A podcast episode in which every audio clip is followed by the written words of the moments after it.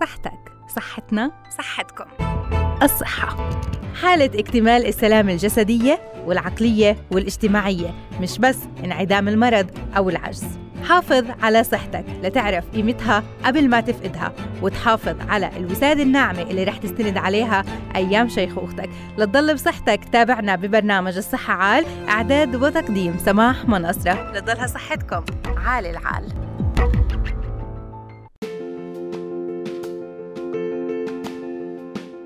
حيا الله فيكم مستمعينا تحياتنا لكل متابعينا عبر أثير راديو علم حلقة جديدة من برنامج الصحة عال عبر الموجه لنحكي بالعديد من المواضيع الصحية. لتضلكم بخير وبعافية إن شاء الله.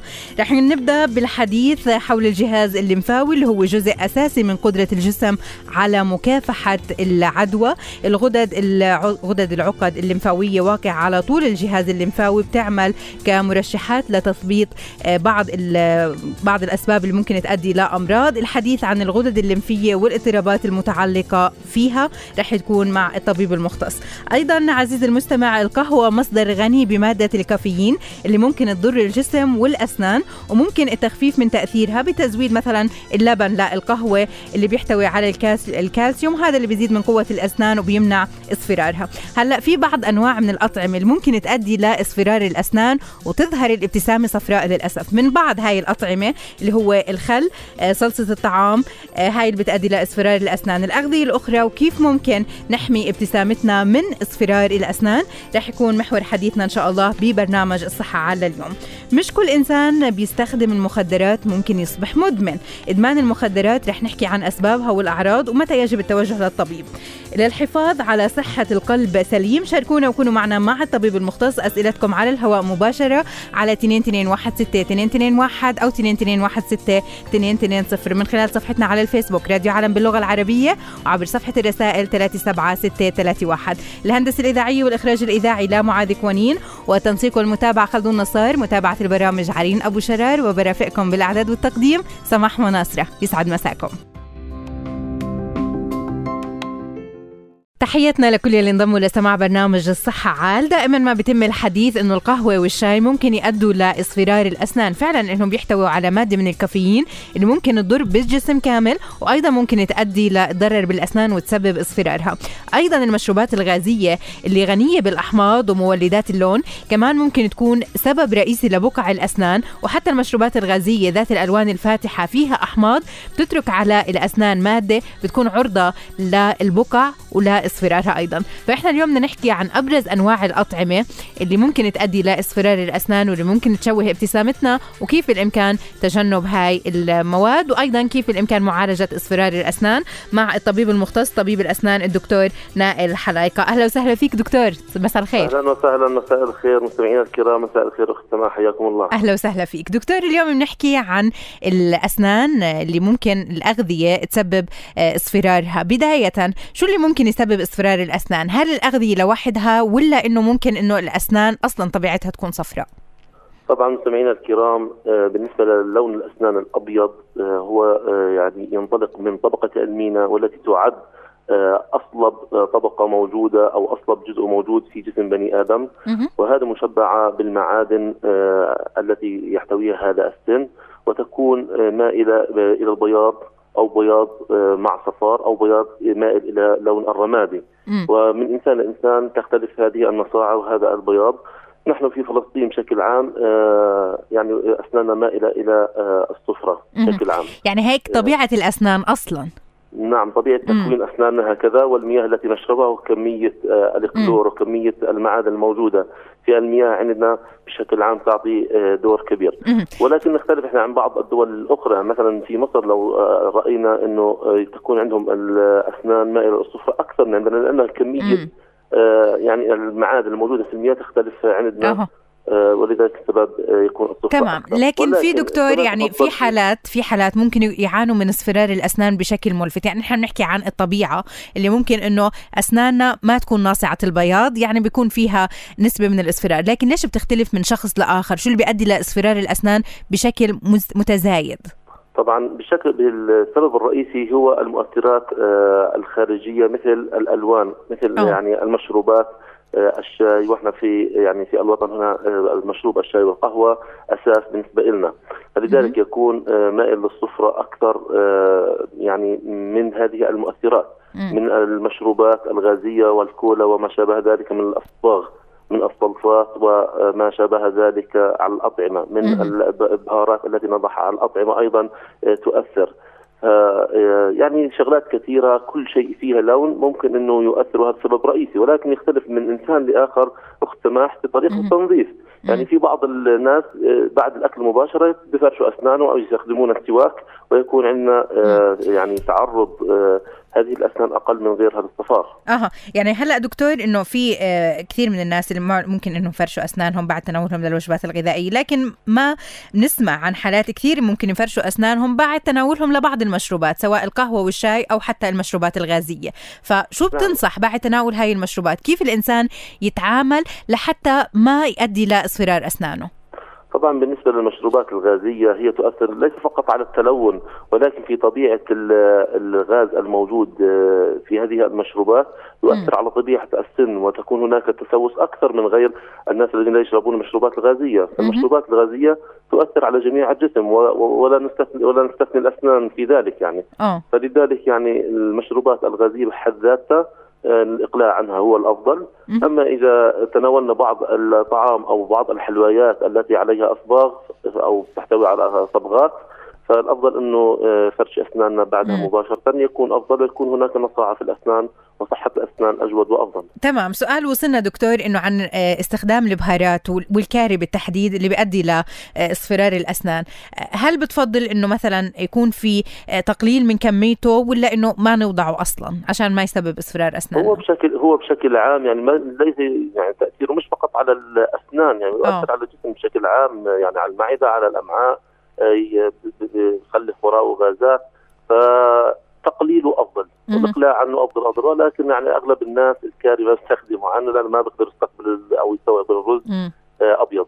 أه. فلذلك لو استخدم كمية أقل يكون أفضل. أه. في بعض الناس بينقعوا نقع يعني حتى تكون الكمية أقل ما تكون مكثفة بشكل تمام. هلا دكتور بالنسبة للأشخاص المعرضين لاصفرار الأسنان ممكن يكونوا الأطفال أكثر ولا الأشخاص اللي آه، ممكن صاروا في مرحلة الشباب ولا المسنين؟ بيكونوا عرضة لاصفرار الأسنان بشكل أكبر. هو كل ما تقدمنا بالسن كل ما كان الصفار أكثر لأن الطبقات المعدنية وطبقة العاج آه، ستكون يعني عند الإنسان تتغير إلى الصفرة أكثر واللون الداكن أكثر. فلذلك يكون كل ما تقدم بالسن الصفار أكثر يكون وخصوصا إذا كان هناك في أي خلل في السن خصوصا في طبقات السن العاجية الخارجية يكون هناك الاصفرار أسرع وأكثر. يعني ننظر لبعض الناس خصوصا المدخنين. يعني لون أسنانهم يكون داخلي أسود أيضا أو مائل للبني. لأنه في عنده آه، تسوس أو عنده مشكلة بالطبقة العاج أيضا. فالدخان كمان إنه سبب رئيسي في تغيير اللون من الأسنان. طيب دكتور هلأ في حال لجا لكم بعض الأشخاص اللي عندهم إصفرار الأسنان شو بتعملوا لهم؟ يعني كيف بتكون طريقة تبييض هاي الأسنان؟ طبعا إحنا قبل ما نبيض الأسنان إحنا بنعالج الأسنان من التكلسات السنيه آه تحت اللثوية آه حتى آه نحافظ على اللثة وعلى عظم الذي يحيط بالسن. هو يعني أهم شيء. من ثم ننتقل للتبييض.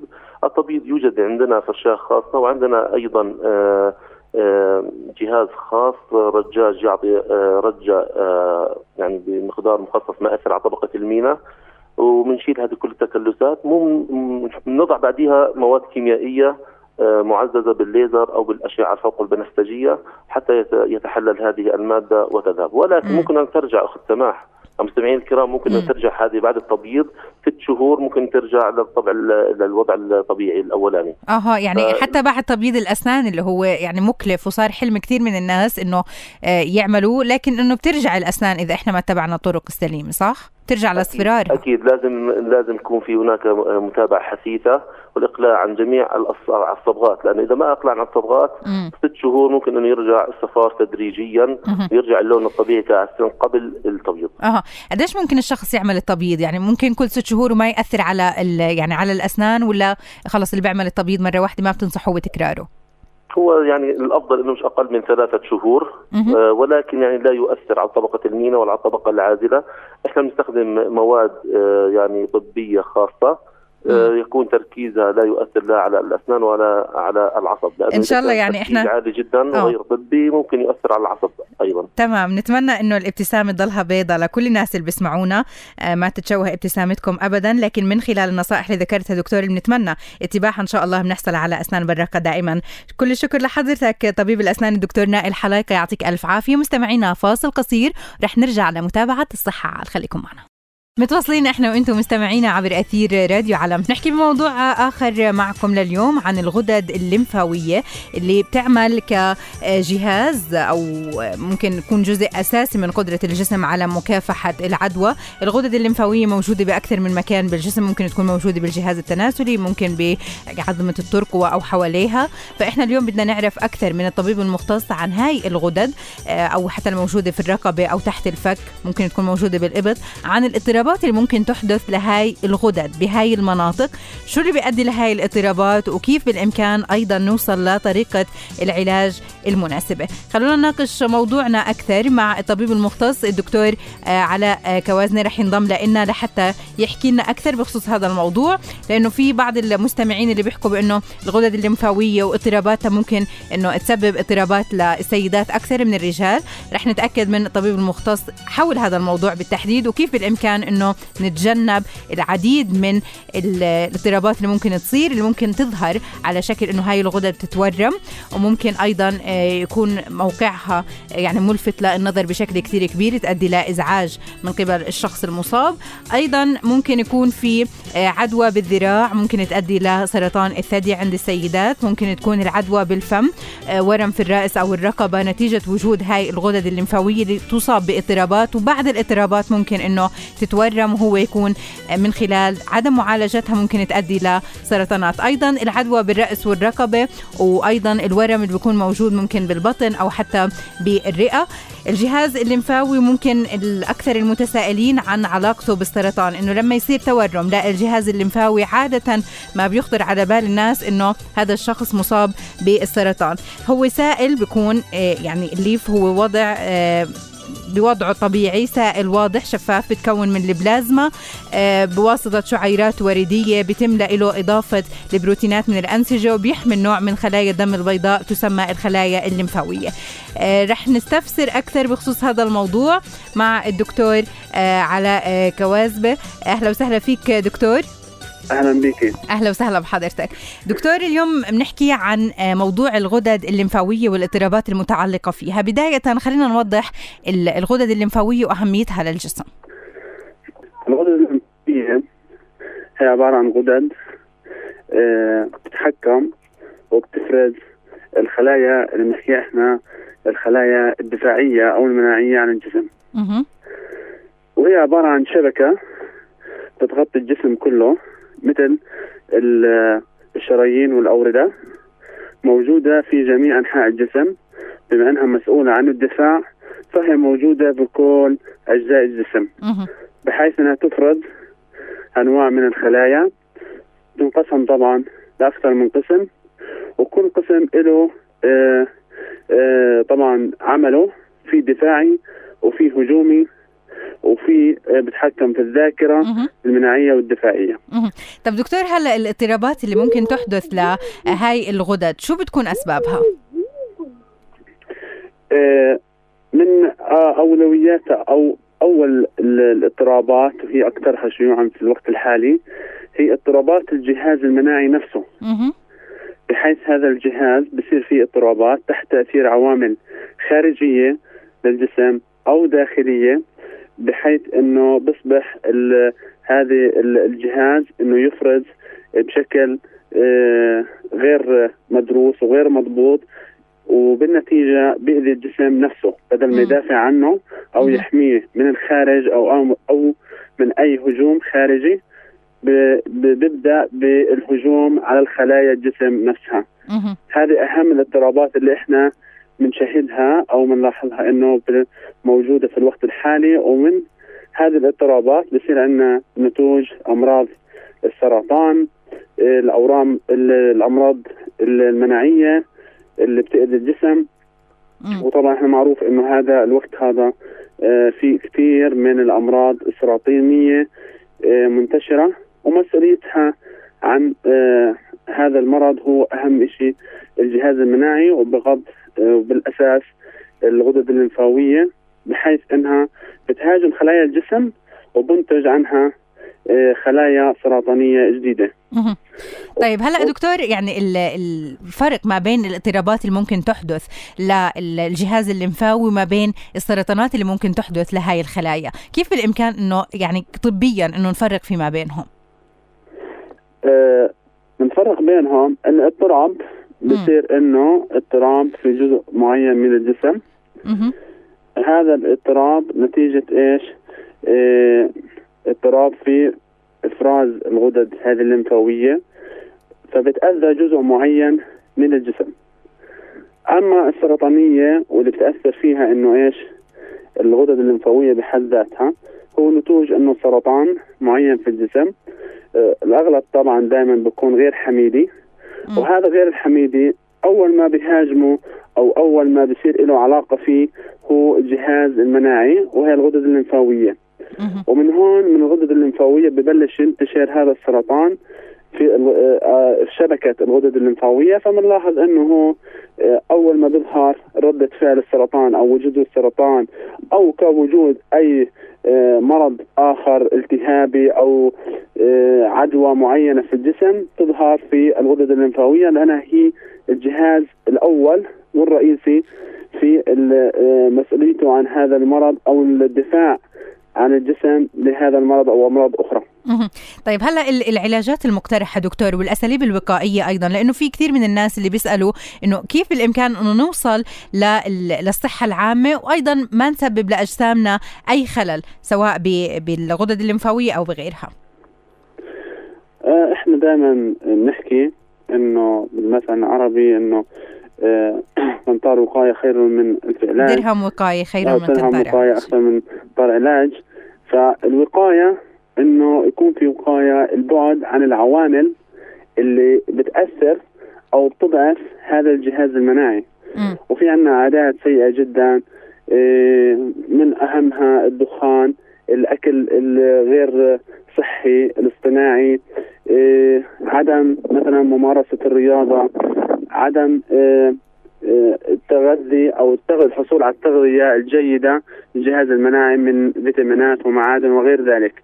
فإحنا بالذات لازم نحمي آه، الجسم من تأثير العوامل السيئة مثل بعض اللي ذكرتها وتقوية الجسم في نفس الوقت بالفيتامينات اللي بتقوي جهاز المناعة وهذا أهم شيء وطبعا أول يعني أول اكتشاف أو إنه لما الإنسان بيمرض لازم يتوجه للطبيب بحيث يحصل على العلاج الصح لأنه في عندنا عادات سيئة انه الإنسان ببلش آه، يعالج وهذه موجودة عندنا كثير إنه ببلش يعالج حاله باعتبار إنه خلاص يعني هذه صح. وهي هي إحنا يعني الأمور بنتمنى إنه دائما الشخص يكون على حذر من تعامله بأي عرض ممكن يظهر عليه بالتوجه للطبيب المختص. بدي أتشكرك الدكتور علاء كواز بيعطيك ألف عافية. تابعونا وبرنامج صحة عال. للحديث أكثر عن تأثير تناول المخدرات على صحة المراهقين وأيضا صحة القلب كيف بالإمكان المحافظة عليها. أمور ممكن أن نبتعد عنها للمحافظة على صحة القلب وأمور ممكن نداوم عليها. فابقوا معنا تفاصيل كثيرة ضمن برنامج الصحة عال مع المختصين على الهواء. طيب المتابعة دائما. متواصلين معكم في برنامج الصحة عال نحكي بموضوع آخر عن المخدرات. الإدمان على المخدرات هو الاعتماد على مخدرات سواء من الشارع أو حتى من خلال تناول الدواء. لما تكون شخص مؤمن ممكن ما تكون قادر على السيطرة على استخدام المخدرات وممكن تستمر في استخدام هذا الدواء على الرغم من الضرر اللي ممكن أنت عارف مسبقا بأنه شو ممكن يسبب لك.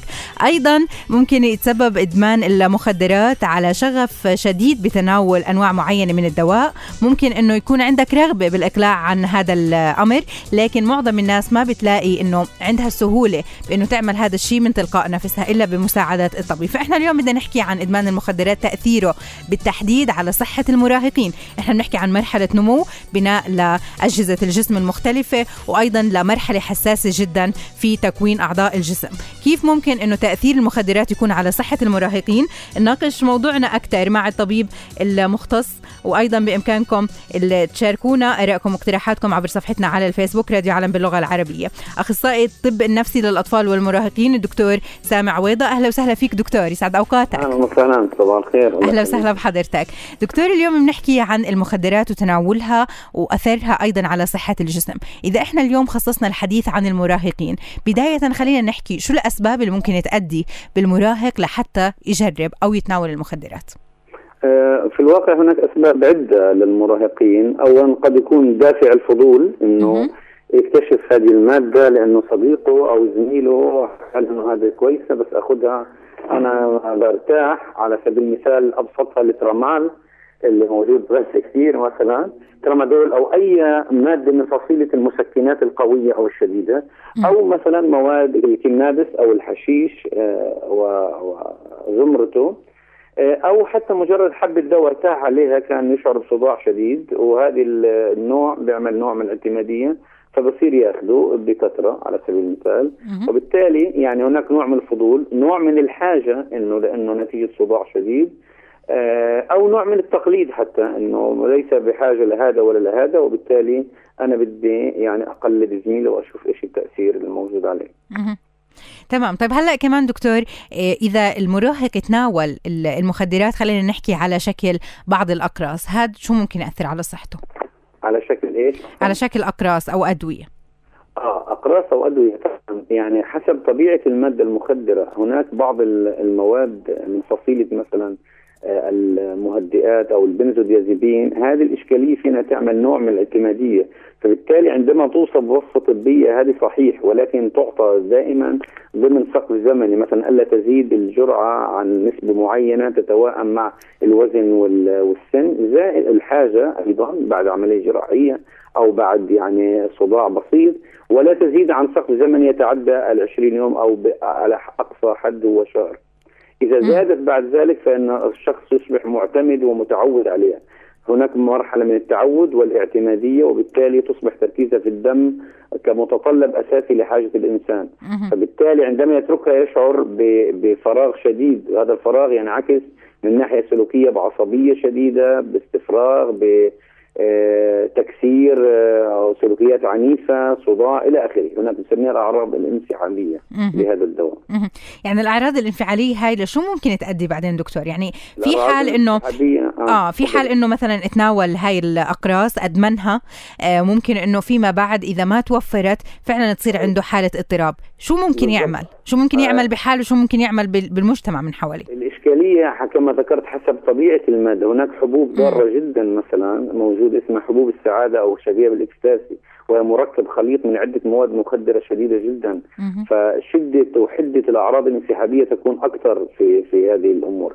يعني من أكثرها الشعور بالغثيان التقيؤ وأكثر الأعراض المزعجة لمرحلة الفطام هي عدم القدره على النوم. يعني تصبح هناك تهيؤ شديد ولا يستطيع أن ينام أو يغسل. لأنه الجهاز العصبي في حالة استنفار وفي حالة خلل نتيجة هذه المواد السامة آه، ممكن يؤدي إلى العنف الشديد أحيانا ممكن يؤدي إلى ايذاء الآخرين لأنه يفقد السيطرة على اندفاعاته وسلوكياته الاعتيادية وبالتالي هذا قد يؤدي إلى حتى تصل لمرحلة الجريمة إذا آه، بالضبط. لحتى يحصلوا على هاي الأدوية أو المخدرات. لكن إحنا كمان آه، يعني بعض الأهل بتواصلوا معنا بيحكوا بأنه مجرد ما يتناول الطفل أو المراهق المخدرات ممكن إنه البعض يعتبره خلص صار مدمن. فقديش لازم تتصلح المعلومة بالنسبة لكثير من الأشخاص؟ ومتى بيوصل صحيح الطفل صحيح. لمرحلة الإدمان؟ هذا بيعتمد على نوع الماده الإدمانية. يعني بمعنى نوعها وتركيزها والمدة اللي تعاطى فيها. في فرق بين الإنسان يتعاطى مثلا إترامادول أو آه، نفترض آه، شريط كامل لمدة سنة وفي فرق إنه واحد ياخذ نص حبة لمدة أسبوعين. صح. تمام؟ فكل ما زاد تركيزها وشدتها كل ما كان أصعب الخروج من الموضوع. طيب كمان مش صحيح إنه مجرد ما يأخذ خلص صار مدمن لا صح. هذا يجب أن يقيم من قبل الطبيب المعالج الطبيب النفسي وبالتالي مم. لكل داء دواء يعني. كمان. يعني إحنا بحاجة هلأ للطبيب النفسي وبحاجة ل أيضا آه، طبيب يعمل على الجانب الجسماني أو حل العلاج أو يعني الأمور الصحية اللي بت يعني بتؤدي لخلل بالجسم. التأهيل. فخليني بحكي ملاحظة بس دقيقة لو سمحتي.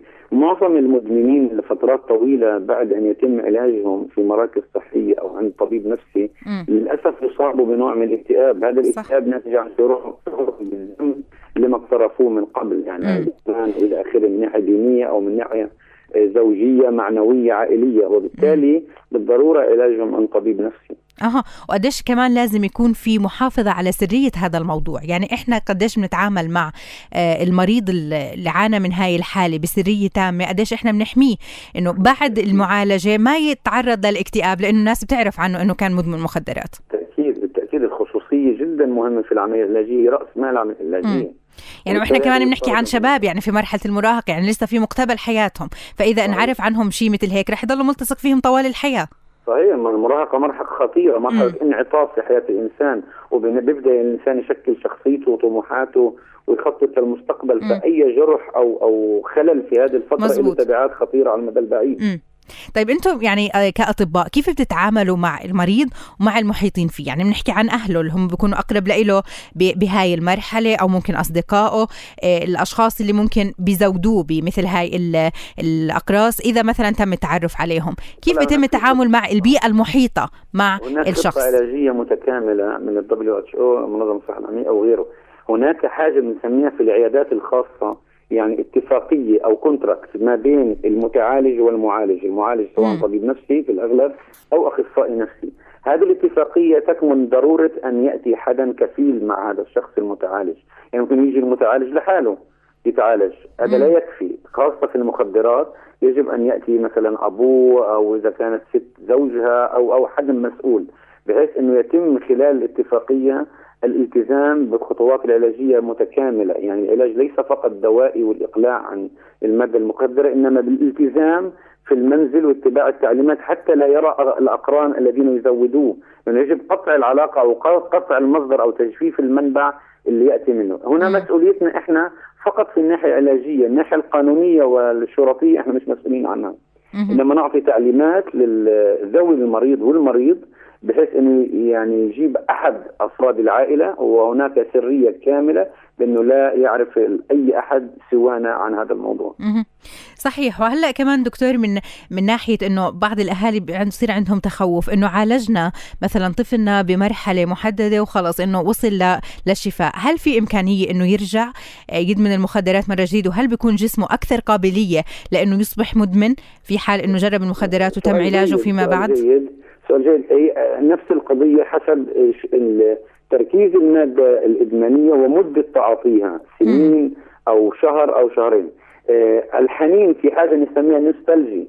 يعني الحنين للمادة الإدمانية للرجوع إليها بعد مرور فترة طويلة حتى من الزمن على العلاج. هناك حاجة من الحنين الذي يقوي آه، آه، مقاومة الشخص المتعالج أو المدمن هو إلى أي مدى حصل على حاجة بنسميها ال support system جهاز الدعم له والدته والده زوجته أطفاله إلى آخره. ومن المجتمع أيضا حتى يندمج بشكل طبيعي. وكلما كانت ردة الفعل سلبية كلما شعر بأنه ملفوظ ومرفوض من المجتمع صحيح. لهيك أنا ركزت على نقطة أنه فعلا إحنا نحافظ على السرية بقدر الإمكان وأنت أيضا شددت على هاي الفكرة. دكتور بتشكرك. الدكتور سامع عويضة يعطيك ألف عافية. كل الشكر لك مستمعينا القلب المحرك الأساسي لكافة أعضاء الجسم. كيف الإمكان المحافظة على صحة القلب؟ وأيضا من خلال بعض التصرفات اللي بالإمكان عملها لأي شخص سواء بعمر الشباب أو حتى بعمر متقدم لحتى نحافظ على صحة قلوبنا دائما من خلال اتباع بعض الإرشادات اللي رح ناخذها من الطبيب المختص. رح يكون معنا بالاستوديو الدكتور صبحي رشيد استشاري الأمراض الباطنية والقلب. شاركونا آرائكم واقتراحاتكم عبر صفحتنا على الفيسبوك راديو علم باللغة العربية وبإمكانكم الاتصال فينا مباشرة على 2216 221 أو 2216 220 لحتى نحافظ على صحة القلب. كيف بالإمكان نبتعد عن جميع الأمور والأشخاص اللي ممكن يوترونا. هذا ممكن يأثر على صحة القلب بشكل كتير كبير. وأيضا التصرفات اليومية والسلوكية اللي لازم نتبعها. بعد الفاصل رح نكون بتفصيل أكثر بموضوعنا. خليكم معنا. مستمعينا تحياتنا لكم عبر أثير راديو علم. موضوعنا لليوم حول صحة القلب. كيف بالإمكان أنه نوصل لصحة قلب جيدة؟ وأيضا نحافظ على المحرك الأساسي للجسم. من خلال اتباعنا لكثير من الأساليب الوقائية لأنه في كثير من الأشخاص اللي بيعتقدوا بأنه القلب فقط إحنا بنحافظ على صحة قلوبنا لما نوصل لعمر متقدم. لكن إذا إحنا حافظنا على صحة قلوبنا بالطفولة وكمان بالشباب نوصل لسن آمن إن شاء الله وأيضا لصحة آه، سليمة. فاليوم بدنا نحكي عن المحافظة على صحة القلب. كيف بتكون؟ من خلال اتباع بعض الأساليب اللي ممكن تكون يومية وعادات سلوكية يومية ما تكلفنا كثير وما تكلفنا أيضا آه، عناء الذهاب للطبيب. إحنا بالإمكان نحافظ على صحة قلوبنا. كيف؟ مع الطبيب المختص انضم لنا بالاستوديو. الدكتور صبحي رشيد استشاري الأمراض الباطنية والقلب. دكتور أهلا وسهلا فيك سعد أوقاتك. أهلا وسهلا بكم وبشكر والتقدير لراديو علم. اللي بيقوم في مثل هذه المشاريع اللي أنا بأيدها اللي هي الوقاية خير من العلاج. أكيد. هلأ إحنا لما نعرف شو آه، أمراض القلب. اولا القلب زي ما حكيتي إنه عبارة عن مضخة. بيقوم بتغذية كل آه، الدم لكل الجهات من الدم للكلى للرئتين للمفاصل فلازم نحافظ عليه. هلا دكتور إحنا لحتى نحافظ على صحة قلوبنا شو الأمور اللي لازم ناخذها بعين الاعتبار سواء من الناحية النفسية أو من الناحية السلوكية أو حتى من ناحية الأغذية؟ طبعا في أسباب عديدة في أسباب منذ الولادة هذه مش راح نتطرق لها الخلقه الربانية وخلل بالصمامات وما شابه. أما في أسباب إحنا منا يعني يا إما من أمراض مشاركة هي بتسرع في ظهور مرض القلب اللي هي ضيق الشرايين اللي أكثر شيء اللي بخافوا منه الناس اللي هي الجلطات والذبحة الصدرية صح. واللي هي بتؤدي لمرض آه، إذا ما عالج الواحد في حينه بيصير عنده شغلات مزمنة وبتوصله للخطر اللي راح نطرح بشكل سريع الأسباب. أه. يعني إذا عرفنا السبب وأخذنا الوقاية منه من بننفد من 90% 80% من إنه يسوي لنا المضاعفات.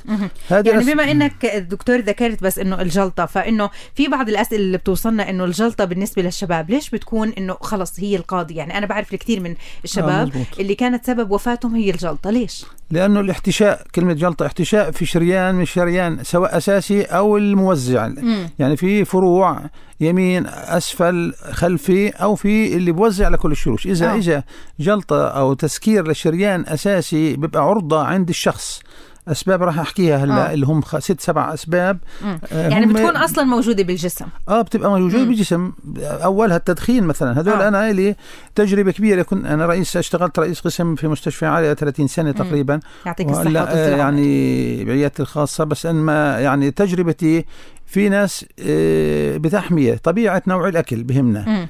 إحنا بنهتم للعمر مم.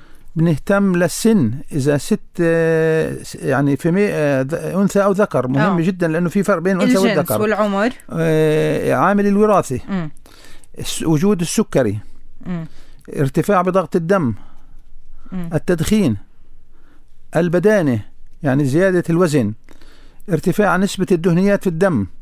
م. وبعدين في عوامل الغدد. بعض الغدد تدخل اللي هي الغدة الدرقية. كسل فيها بيزيد البدانة وبيزيد نسبة الدهنيات بيوصل لضيق أوه. بشرايين القلب. هذه يعني الأشياء الأساسية. لو مثلا آه، إجت آه، ست مثلا عندها 15 أو 20 سنة وشكت من وجع بصدرها أنا بدون ما بالفترة الأولى بقول ما أشرح علي شيء معاها. طبعا نادر جدا نلاقي الستات يصير معهم ضيق بشرايين إذا معهمش أي شيء من هذول العوامل. يعني بسميها أنا عوامل الخطورة اللي سميتها هلأ كلها عوامل الخطوره للتسريع في حدوث النوبات القلبية والجلطات وآلام الصدر الخطيرة. وبكون بكون يعني الذكر معرض لها أكثر من الأنثى. الذكر أكثر لأنهم أكثر مدخنين. مم. يعني التدخين عامل مهم. أنا شفت ناس في 22 سنة طبعا أصيبوا بجلطة حادة مم. وطبعا أدخلوا العناية المركزة وتم تشخيصهم وتم إنه التدقيق إنه عدم التدخين عشان نكمل المشوار نعمل له قسطرة وكذا. طبعا توصل لإنه ينفد من الجلطة مش يصير خطر عليه. وبعديها نلاقي إنه ثلاث شرايين عنده آه، تسكير آه، شديد. آه. في نوصله لعملية قلب مفتوح.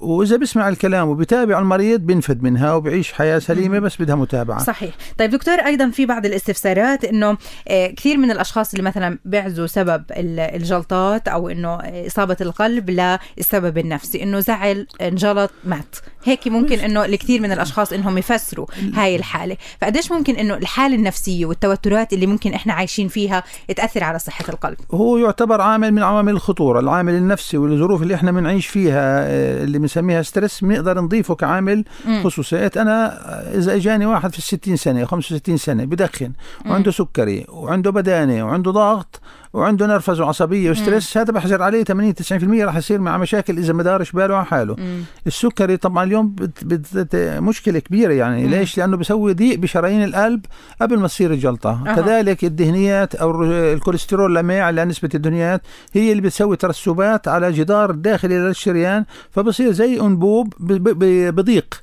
فالقلب بيحتاج لأكسجين آه، أكثر من اللازم لمين ببذل مجهود فالأعراض طبعا لأي مش مشكلة في القلب بيشكي وجع في صدره في النص وبنتشر على الفك مرتبط بالجهد. صحيح. طيب في بعض الأسئلة دكتور من آه، شاب بحكي أنه عمره 21 آه، سنة دائما ما بت يعني بيشكي من من نخزات بالقلب. فشو سببها وكيف بالإمكان علاجها؟ طبعا 21 سنة آه، طبعا إذا هو بيحدد لي إنه شو في عنده عوامل خطورة. إذا فيش عنده عوامل خطورة من اللي عديتها آه. كثير ما في سنه نادر يصير آه يعني ما عنده سكري ما عنده ضغط دم ما, ما عنده تدخين هذا آه. الشباب كثير تدخين. النرفزة العصبية مش هي السبب الأساسي يعني م. بس بس هي عامل مساعد. آه لأنه مثل ما وضح بالرسالة إنه بتصير مع هاي النخزه لما يعصب كثير. نخزه صغيرة بعيدة آه. عن القلب. آه. التقل بالصدر مرتبط بجهد. مم. يعني مثلا في ناس وصغار بالعمر بصيبهم 20 25 30 بس تلاقي مدخن وعنده سكري ومهمل وعنده بدانة وعنده دهنيات وبيعالجهاش بيتابعهاش فهذا سهل إنه يصير معاه بنهتم لوجع الصدر اللي في النص. مم. وفي أحيانا وجع المعدة ها مرتبط صح. على ضيق شرايين. في حالات كثير شفناها بيبقى وبصيبهم جلطات من الم في المعدة بفكرها معدة وقرحة وكذا بيبقاش بيبقى ضيق الشرايين وتم تشخيص فأنا بأكد على شغله التشخيص المبكر. في أي وجع بالصدر يفضل إنه يراجع الاخصائي وسهل فحص بسيط تخطيط بسيط. التخطيط ببين لنا أشياء كثيره طيب هلأ التخطيط دكتور لأنه كمان سألنا عن هذا الموضوع إنه التخطيط مهم للشباب ومهم أيضا للمسنين لأنه الناس بيعتقدوا بإنه فقط الأشخاص لما يصير عمرهم كبير هم المعرضين لأمراض القلب. لكن ممكن أيضا الشباب مثل ما تفضلت. في اللي عنده عوامل خطورة آه، من عندنا خاصة السكري والضغط. هذول إذا اشتركوا إذا في عنده كسل في الغدة بصيبوا على 30 سنة أو 40 سنة مش العمر. أما إذا بعيد عن العوامل الخطورة هذه بصير مع فوق ال 50 سنة. مم. طبعا مم. أما ان تجربة صار في ناس تس... في واحد مرة 16 سنة. مم. وهذا أقل واحد بالعمر بشوفه في حياتي. فما فيش عنده عامل خطورة إلا واحد بيشتغل لحام وبيأكل عنقوده بسأله بالآخر أنا بقول له شو بتأكل؟ بقول لي عنقوده هذا آه. ما هاي كثير آه. عندنا يا دكتور. عنقوده فهذه هي كان تخلي الدم أبيض حتى مم. من الدهنيات فتصربت طبعا وجوده بالمستشفى كان عولج وتم اعطائه المميع التام وعمل له قسطرة ونفذ فيها وطبعا. الحمد لله. وإحنا كمان يعني هاي النصائح إن شاء الله بياخذها المستمع الكريم بعين الاعتبار لحتى نحمي صحة قلوبنا دائما. بدي أتشكرك أكيد الدكتور صبح رشيد استشاري الأمراض الباطنية والقلب. يعطيك ألف عافية دكتور. مستمعينا آه، لهون بنكون وصلنا لنهاية برنامج الصحة عالة اليوم. إن شاء الله قدمنا لكم معلومات مفيدة فيها الخير. لتضلها صحتكم بعافية وبسلامة دائما.